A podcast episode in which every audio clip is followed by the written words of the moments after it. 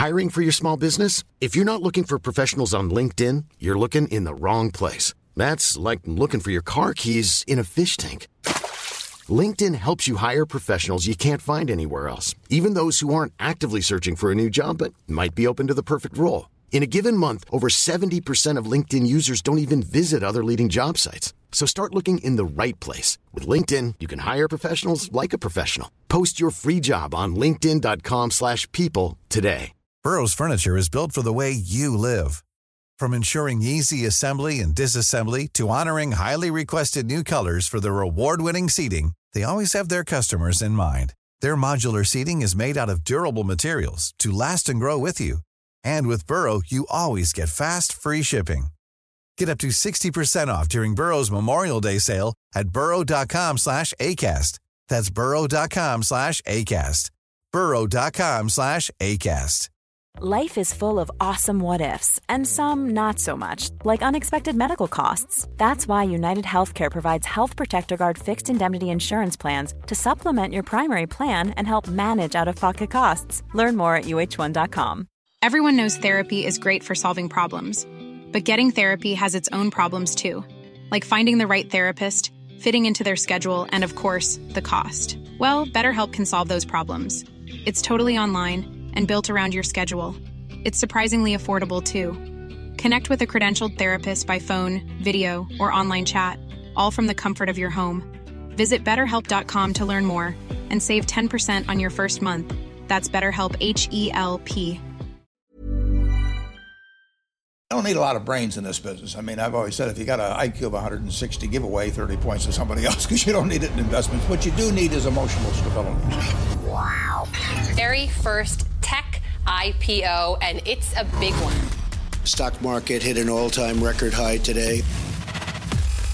A crash is coming. Now, whether it's six months from now, 12 months, 36 months, no one knows. There's a bear market about every five years. We've gone eight years without one. People have to realize this is the biggest IPO ever.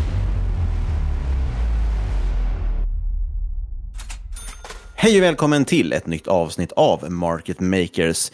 Det är sista avsnittet nu innan vi drar igång sommarserien och därmed lite sommarledighet skulle man kunna säga också. Hur känns det? Ja, det är lite läskigt. Vad ska man göra med tiden när man inte kan podda?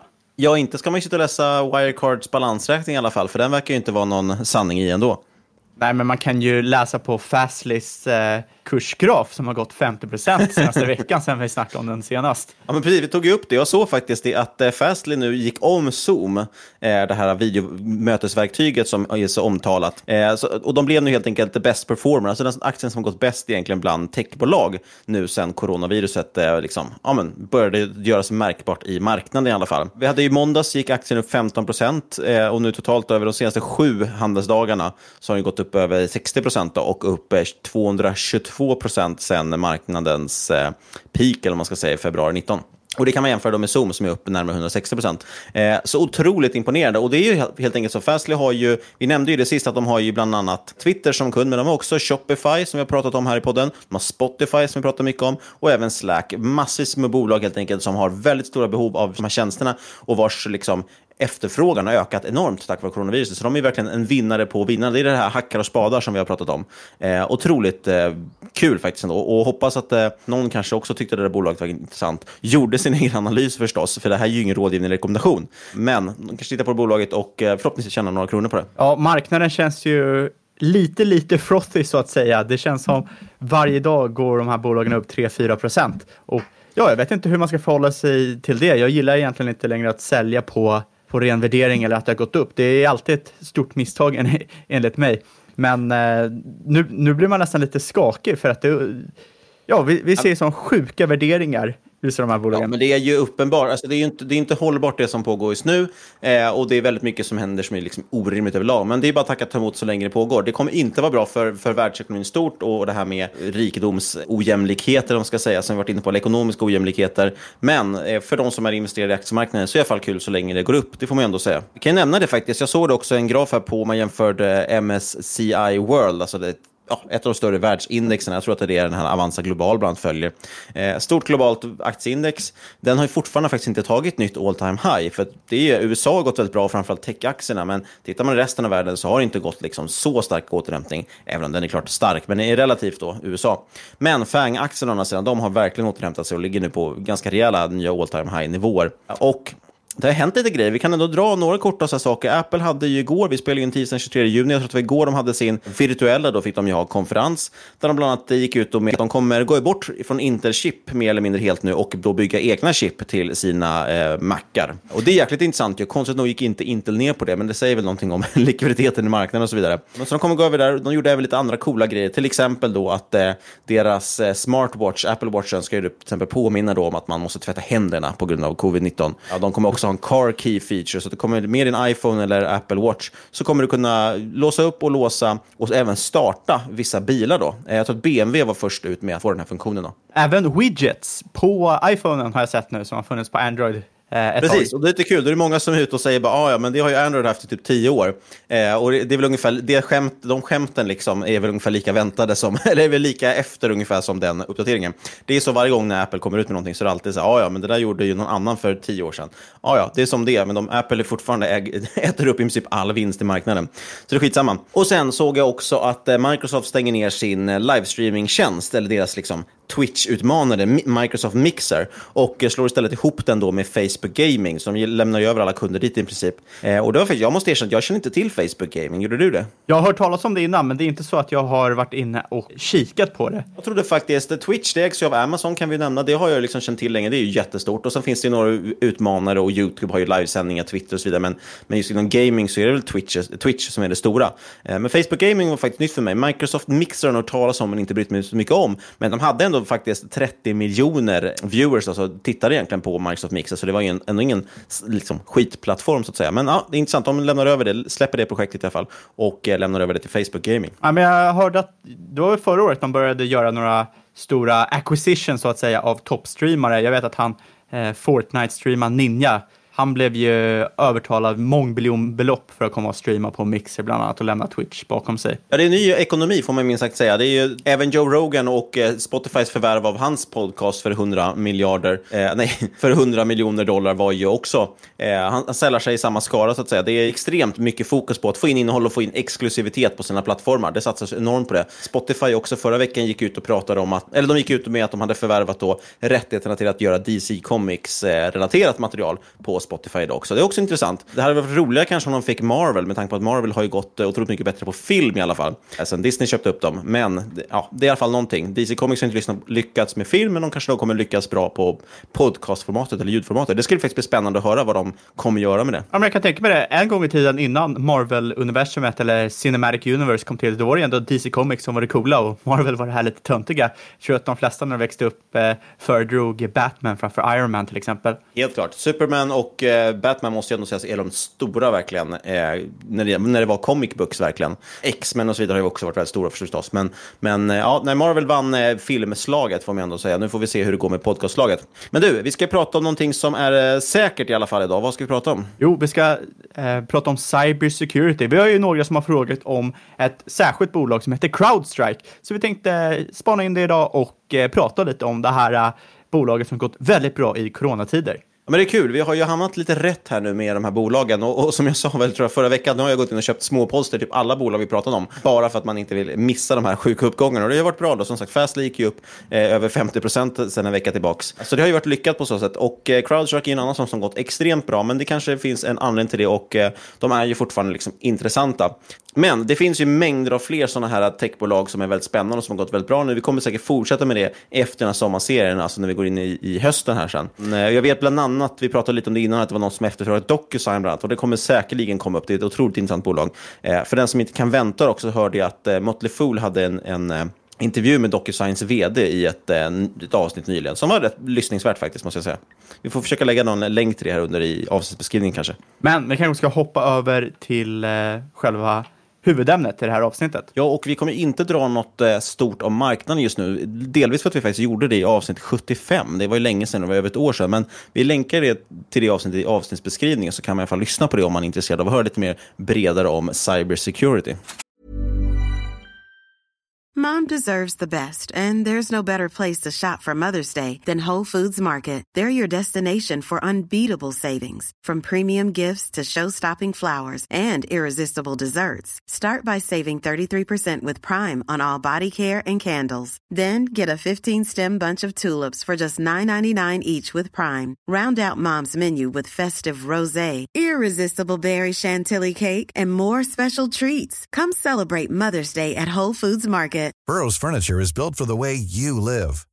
From ensuring easy assembly and disassembly to honoring highly requested new colors for their award-winning seating, they always have their customers in mind. Their modular seating is made out of durable materials to last and grow with you. And with Burrow, you always get fast, free shipping. Get up to 60% off during Burrow's Memorial Day sale at burrow.com slash ACAST. That's burrow.com slash ACAST. burrow.com slash ACAST. Hiring for your small business? If you're not looking for professionals on LinkedIn, you're looking in the wrong place. That's like looking for your car keys in a fish tank. LinkedIn helps you hire professionals you can't find anywhere else, even those who aren't actively searching for a new job but might be open to the perfect role. In a given month, over 70% of LinkedIn users don't even visit other leading job sites. So start looking in the right place. With LinkedIn, you can hire professionals like a professional. Post your free job on linkedin.com slash people today. Life is full of awesome what ifs, and some not so much, like unexpected medical costs. That's why United Healthcare provides Health Protector Guard fixed indemnity insurance plans to supplement your primary plan and help manage out of pocket costs. Learn more at uh1.com. Everyone knows therapy is great for solving problems, but getting therapy has its own problems too, like finding the right therapist, fitting into their schedule, and of course, the cost. Well, BetterHelp can solve those problems. It's totally online and built around your schedule. It's surprisingly affordable too. Connect with a credentialed therapist by phone, video, or online chat, all from the comfort of your home.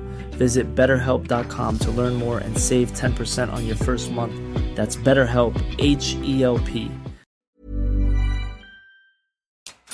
Ja, som sagt, vi ska prata om CrowdStrike idag och eh, cybersecurity-bolag är det. Eh, framförallt verksamma inom det som kallas för endpoint security. Men de Shit, jag inser nu att jag har förberett mig för Counter-Strike, tror du vi skulle prata om. ah, ja, du, du får ta det här Fabian. Är bara köra. Som sagt, de är framförallt verksamma inom endpoint security, men de har även produkter inom vulnerability management, IT operations management och threat intelligence services. Och eh, tillsammans utgör det här en marknad värd 27 miljarder dollar eh, Eh, per år 2020, men det här kommer växa till 32 miljarder dollar 2022. Du har alltså en wombo combo, eh, inte bara ett starkt växande företag utan även en växande marknad. Men då kan man ställa sig frågan, vad är endpoint security? Och det är nästan exakt det man eh, kan tro att det är. Det är till exempel... Jo, men endpoint security, det kan ju ganska bra beskrivas lite som en Counter-Strike-bana. I alla fall de här eh, DE, demolition eller detonation eller vad det kan stå för. Eh, du har ju egentligen någon form av eh, plats som måste skyddas då, framförallt mot Bob-attentat. Eh, och det här skulle ju då kunna motsvara egentligen endpointen, alltså slutpunkten, det är ju där eh, liksom, enheten tar vid. Där datorer och telefoner kopplar upp sig mot företagsnätverk och så vidare. Där finns det liksom en, en ingång för intrång och säkerhetshot. Eh, och där måste man då skydda mot de här terroristerna som kommer in. och då gäller det att göra det med på olika smarta sätt. Exakt, och som ni alla vet så är cybersecurity det är kritiskt och det blir allt mer viktigt för företag eh, för att de ska kunna skydda både sig själva och sina arbetare nu efter det här med corona och man har allt mer ök, utökad takt jobbar hemifrån. Det finns helt enkelt allt fler hot där ute nu för tiden. Eh, Crowdstrikes vd har till exempel nämnt att phishing är upp nästan 700 procent sedan covid-19 kom in i bilden, vilket är helt absurda siffror och visar ju på att wow, det här behövs ju verkligen. Hela den här jobba hemifrån-trenden innebär ju att företag måste hitta ett sätt att skydda sin känsliga data från dels osäkra uppkopplingar, eh, man kan ju liksom helt enkelt inte anta att alla anställda vet hur man skyddar data. Dessutom kommer det finnas fler enheter som kopplar upp mot de här interna nätverken Utöver det här måste företagen även kunna skydda personalens integritet och den personliga datan när de kopplar upp mot företaget. Så det är flera saker de måste tänka på. Och just när det kommer till mängden uppkopplade enheter så har Crowdstrike sett att mängden uppkopplade enheter har ökat med ett kagger på 10 procent per år de senaste fem åren. Och en annan ytterligare väldigt intressant sak jag såg tidigare idag är att JP Morgan har nyligen släppt en rapport där man gjort en undersökning kring största säkerhetsprioriteringar för företag. Och då kommer Identity Access Management eh, på plats nummer ett och det är eh, till exempel bolag som Okta som håller på med det. Men sen kommer Endpoint Security som CrowdStrike håller på med på plats nummer två. Det är ju extremt intressant att många företag ser det här som en väldigt stor prioritering. Dessutom är CrowdStrike så kallad cloud native, alltså att de är baserade i molnet snarare än på din dator. Och eh, det är en extremt stor fördel eftersom deras lösningar är extremt enkla att implementera. Du behöver förhoppningsvis inte ha någon sån Norton antivirus som plingar till hela tiden och kräver nya uppdateringar och segar ner datorn och så vidare. Det, den, de tiderna är lite förbi. Lösningen har en väldigt låg användarfriktion och som sagt kräver nästan ingen implementation och väldigt enkelt att få igång. Och eh, en väldigt stor, väldigt positiv grej tycker jag är att kunderna har möjlighet att testa olika typer av säkerhetsmoduler innan köp och det här har varit extremt populärt och genererat extremt många användare med extremt liten friktion. Och det innebär ju också att det är väldigt lätt att testa nya moduler om du har liksom en lösning och vill uppgradera dig framöver. Sen har de även en väldigt stark deal med AVS Marketplace och det har visat sig vara en stor drivare av nya kunder eftersom det är så många som kör en eh, AVS-miljö, alltså Amazon Web Services, och går från lokala servrar till molnet. Det har minskat eh, Crowdstrikes försäljningscykel med 50% alltså halverat försäljningscykeln. Crowdstrike har ju också en stark self-service, alltså man tillåter användare att testa produkterna innan man köper dem. Och det här är en väldigt bra och framgångsrik eh, säljtaktik. De har en payback period per kund på cirka 14,5 månader. Det kan jämföras med 22 månader som är median för sektorn. Och den här kortare payback-perioden, den är på grund av den här äh, go-to-market-strategin där du har en väldigt low touch, low sales, du har gratis eh, försöksperiod och det här minskar helt enkelt kundförvärvskostnaderna äh, ganska mycket. Precis, man pratar ju om det är två väldigt stora nyckeltal inom SaaS-tjänster och det är ju det här med eh, LTV, alltså lifetime value, det vill säga vad är en kund värd över hela dess livstid. Men det andra stora är ju customer acquisition cost och, och tar man dem mot varandra, alltså vad kostar det att få in en kund? Tar man dem mot varandra så vill man ju veta när tjänar man egentligen tillbaka pengarna? Eh, och det är det man pratar om, att det tar ju alltså lite drygt ett år egentligen, så det är ganska lång tid ändå, men, eh, men inte jämfört med medianen i sektorn.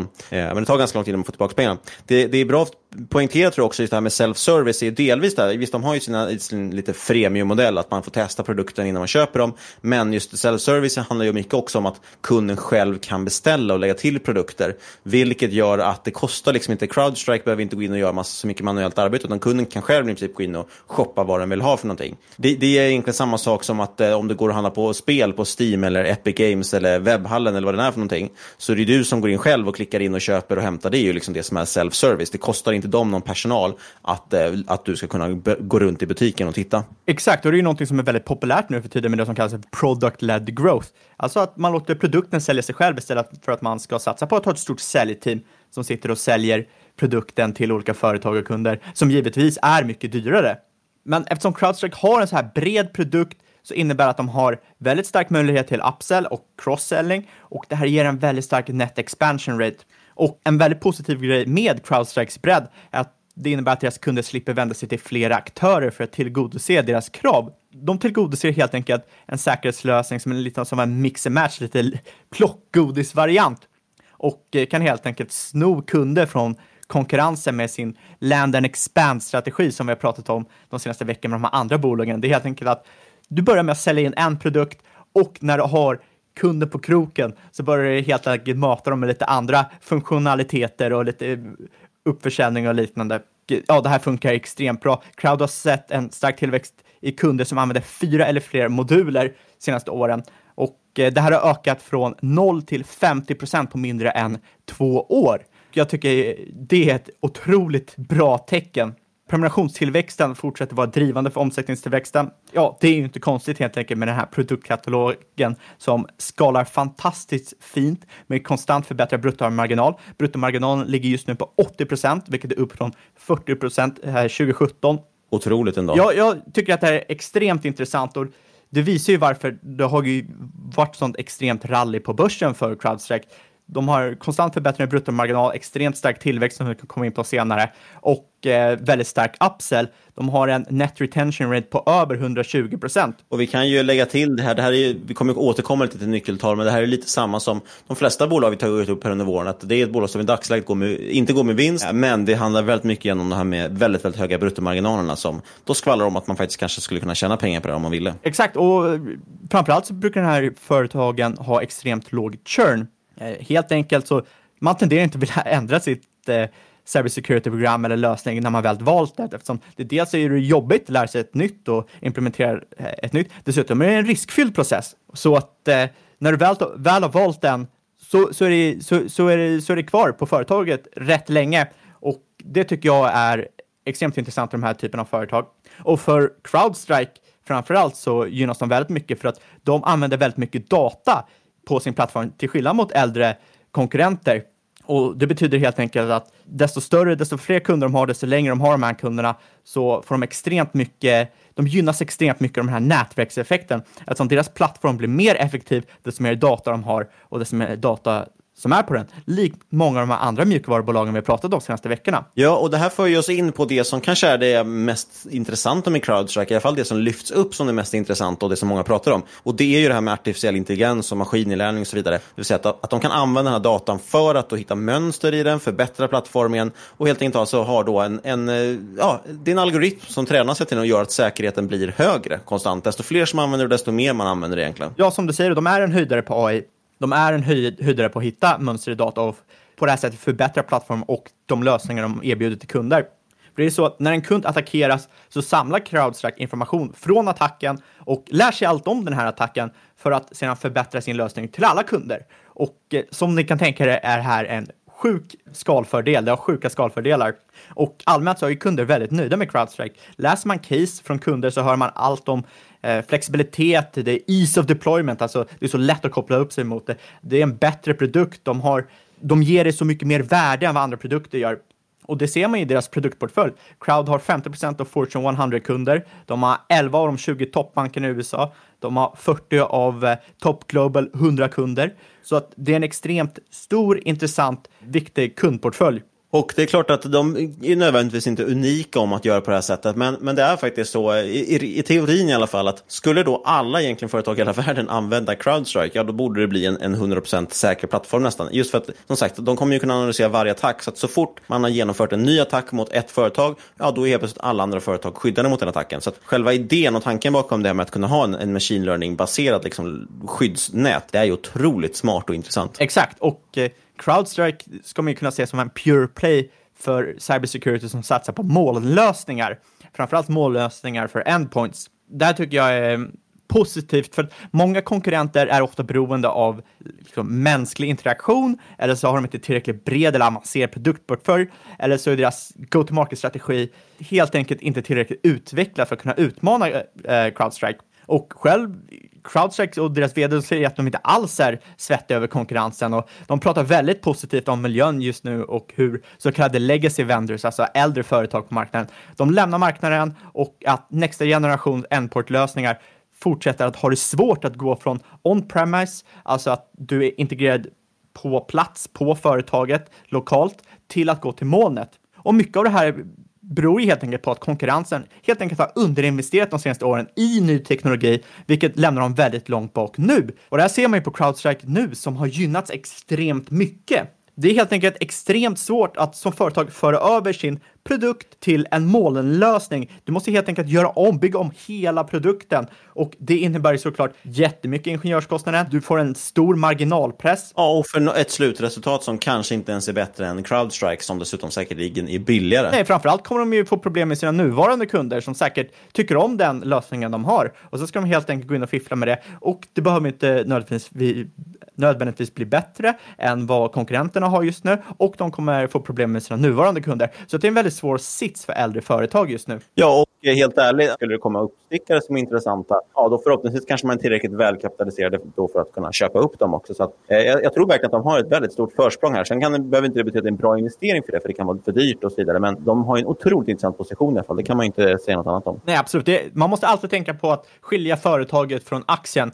Och oftast brukar vi prata om företag som vi tycker är intressanta, men det behöver nödvändigtvis inte betyda att aktien är intressant. Men jag tycker det är väldigt intressant att säga också att management tycker att de aldrig har sett ett bättre competitive landscape, alltså att konkurrensen inte har sett bättre ut någonsin. CrowdStrikes fördel. Och det här består ju mycket till den stora konsolideringen som skett på cybersecurity-marknaden, att de är så före tekniskt, som har gynnat CrowdStrike och att Först, störst och bäst kan man väl säga. Ja, och Eh, det är ju en given fördel när all inkrement, inkrementell data du ansamlar ger extremt stor övertag framöver. Och där har man ju sett på i stort sett alla internetsektorer. När du når en kritisk massa så är det i stort sett över för motståndarna eftersom du bygger en så extremt stor vallgrav. Och det här är det jag tycker är lite svårt just nu med många internetsektorer där du måste välja. Ska du köpa first in class som är jättedyrt eller ska du köpa tvåan, trean, fyran eller femman som antagligen är mycket billigare? Ibland är det halva priset från eh, eh, aktierna.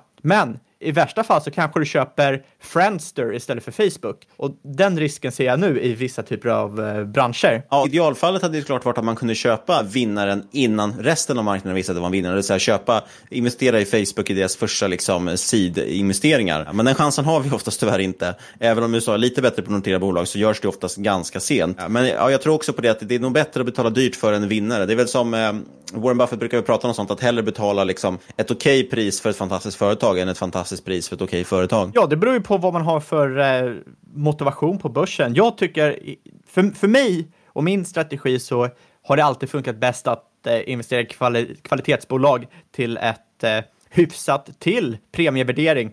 Men det beror ju mycket på den marknaden vi är i just nu. Jag har sällan lyckats bra på de här riktiga värdecasen. Ja, men åtminstone måste man ha extremt mycket tålamod för dem. Sen är det såklart, just nu är det ju verkligen en, en bullmarknad så att man kanske lider av lite hybris just nu också, att det går väldigt bra. Men det har ju funkat som sagt de, de senaste åren åtminstone. Får vi se, det kanske kommer förändras framöver. Men just nu ser det ut som, lite, vi pratade ju väldigt mycket om det i förra avsnittet, att just så som räntepolitiken ser ut så, så är det antagligen den här typen av företag som gynnas av det. Med det sagt kanske inte CrowdStrike just klarar sig och vi ser att det finns bolag som Wirecard, där det i och för sig då lös varningslampor i, i nästan två år i förväg. Men ja, det dyker ju upp liksom ändå scams bland det här också, men annars är det ofta de här, de här typerna av bolag ser ut att kunna gynnas. De som kan ta den här extremt billiga finansieringen och göra någonting väldigt bra av det och tjäna mycket pengar på det. Absolut. Men vi hoppar lite snabbt in på Q1 och eh, värdering för bolaget. Omsättningen för Q1 var upp eh, hela 85 procent year on year. Helt okej. Okay. Helt okej. Okay. Det som är jätteintressant tycker jag är att det här är liksom, det är inget nytt för företaget. De postar den här, i stort sett postat samma typ av eh, omsättningstillväxt sedan de börsnoterades för två år sedan. Företaget går med förlust som du sa, men genererar positivt fritt kassaflöde, vilket jag tycker är positivt och är en trend mot lönsamhet. Och de siktar på en rörelsemarginal kring 20% på lång sikt. Som du sa tidigare och som vi kommenterade lite, bolaget är utan tvekan starkt värderat idag.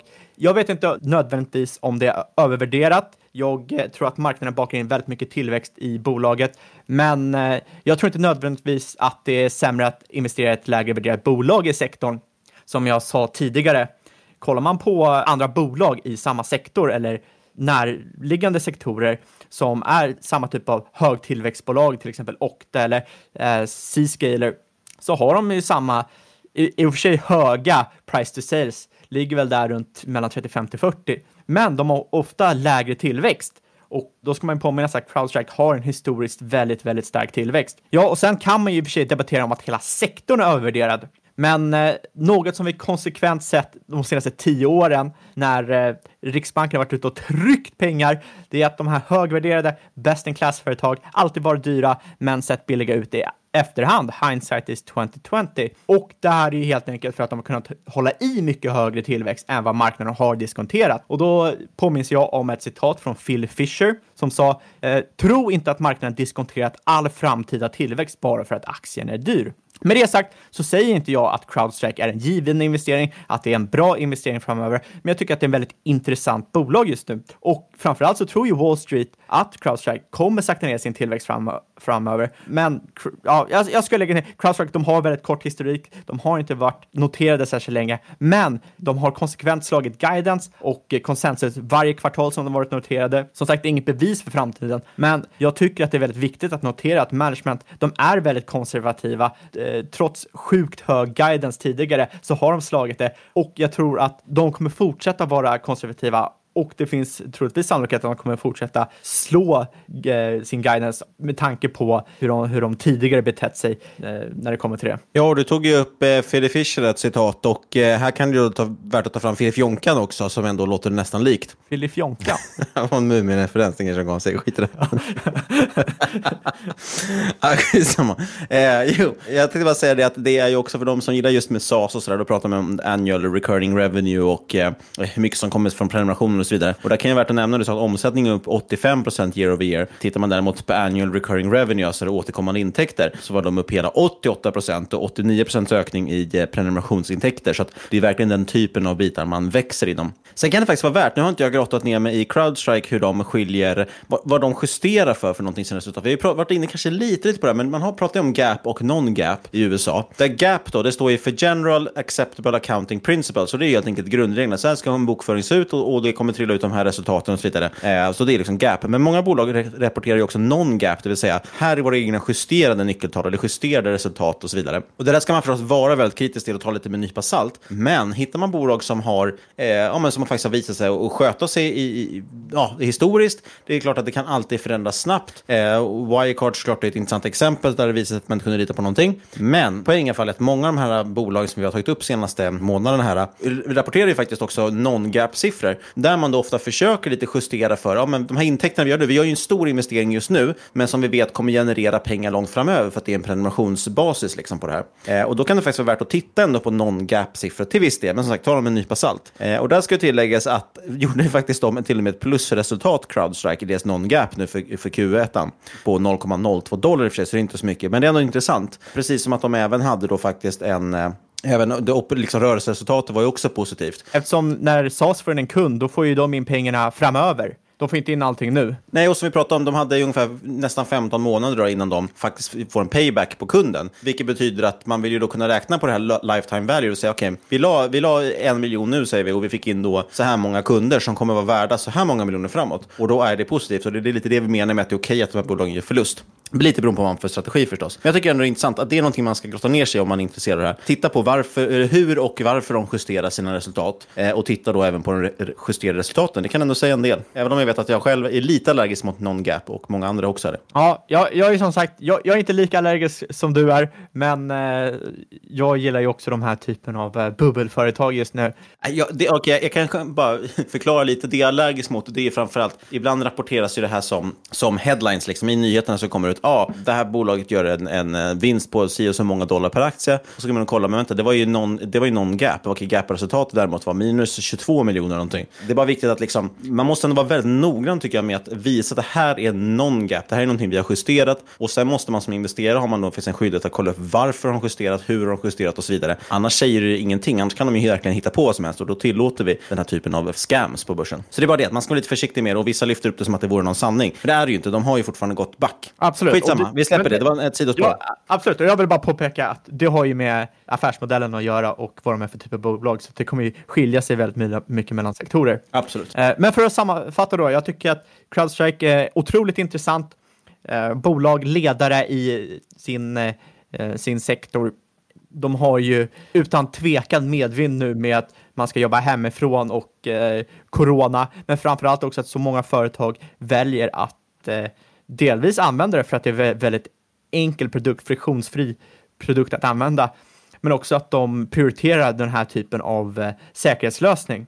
Och sen tror jag att de också har väldigt mycket fördel med att de har ett så stort eh, AI-ben Precis, både för att den faktiskt verkar funka väldigt bra och är en produkt som hela tiden växer och växer och blir, och blir starkare själv, så att säga också. Men också helt ärligt, det ska man väl säga att det är klart att lite så är det säkert ett bra säljknep också, eller inte säljknep ska jag säga, men en, en bra säljpunkt att kunna peka på att kolla, vi har en AI-baserad eh, liksom, säkerhetslösning. Det låter ju väldigt tryggt kan jag tycka i alla fall. Absolut, man, man ska inte sticka under stolen med det. Du måste i stort sett ha någon typ av AI-produkt idag om du är ett techbolag. Oavsett hur väl du fungerar, du måste kunna sälja in att du jobbar med AI på något sätt. Annars så ligger du efter hundra år. Det är kanske lite skillnad beroende på vilken bransch man eh, säljer mot, men de flesta branscher, de, ser, de som köper in ser AI det ska vi ha, för det är det som är nuet. Ja, och sen vill man gräva ner sig djupare i den här sektorn så måste jag ändå säga att två andra bolag tycker jag är jätteintressant här. Den ena är Okta som sysslar med auktorisering och autentisering för bolag. En eh, tillväxt senaste 12 månader på strax under 50 procent och ett eh, EVS på strax under 36 och sen Z-Scaler, ett, eh, eller C-Scaler, ett annat väldigt hett cloud cybersecurity-företag just nu ett eh, tillväxt på eh, över 40 procent senaste 12 månaderna och ett EVS på 33. Ja, och jag vill ju rekommendera att eh, ska man titta vidare på Crowdstrike, ja då tycker jag att eh, några bra banor börjar med i Nuke. Jag tycker att Inferno är jäkligt kul, men vinnaren, kungen av alla banor är ju såklart Dust 2, eller hur? ja, det är bara springa B på Dust 2 och planta bomben. Och vill du berätta vilken din favoritbana är i Counter-Strike så kan du skriva till oss eh, på podcast.marketmaker.se eller så skriver du på Twitter at marketmakerspod. Vi vill också påminna såklart att inget hört den här podcasten ska ses som rådgivning. Alla åsikter är våra egna eller vår gäst och eventuella sponsorer tar inget ansvar för det som sägs i podden. Behöver vi en innehållsförteckning för den här podden? Det tycker jag. Och tänk då på att alla investeringar är förknippade med risk och sker under eget ansvar. Är det något av de här bolagen du pratar, vi pratar om som du äger? Ja, självklart äger jag ju Crowdstrike nu i min bubbelportfölj. I bubbelportföljen, det var ett ganska bra namn för den ändå. Jag äger faktiskt inte Crowdstrike. Däremot så pratade vi lite om Fastly och det äger vi ju bägge två. Eh, vi bara nämnde kort även eh, Apple som jag faktiskt äger lite grann och Microsoft som jag äger lite grann. Det var väl de eh, som vi pratade om. Ja, då får jag väl nämna Okta också äger jag. Om det är bara sådana man går har nämnt. Kom ihåg också att ni får jättegärna lämna en recension på iTunes. Vi kommer ju nu försvinna iväg här några veckor. Det kommer dock rulla på fyra stycken heta sommaravsnitt, precis som tidigare somrar. Tycker ni att det är för lite, ja då backar ni tillbaka en, ett år eller två och tar de tidigare sommaravsnitten tycker jag också. De är väl värda att lyssna om på. Hoppas jag i alla fall, jag har inte gjort det själv. Men jag tycker att de innehöll väldigt mycket intressanta saker. Så att, eh, lyssna gärna på dem. Sen kommer vi köra de fyra avsnitten. Sen kommer det vara en veckas uppehåll antagligen, som vi brukar ha det. Och sen är vi igång igen i, eh, vad blir det? Det blir fast augusti nästan va? Jajamensan, och då får vi se, börsen upp, ner eller sideways? Det ska bli väldigt intressant att se. Då kanske man inte ens äger de här bolagen längre. Då kanske man har investerat i eh, gamla tråkiga värdebolag. Vem vet, det kanske är all in i flygbolagen. Precis. Och Nej, jag skämtar, det kommer aldrig hända. och din gissning på vad börsen, om den ska gå upp eller ner, den kan du skriva på ett eh, papper, sätta ner ett kuvert och skicka till SMHI. Märk det här med prognos. och sist, men absolut inte minst, det vet du, tack för att du har lyssnat, kära lyssnare. Och vi hörs igen om en vecka. Ha nu en fantastisk sommar.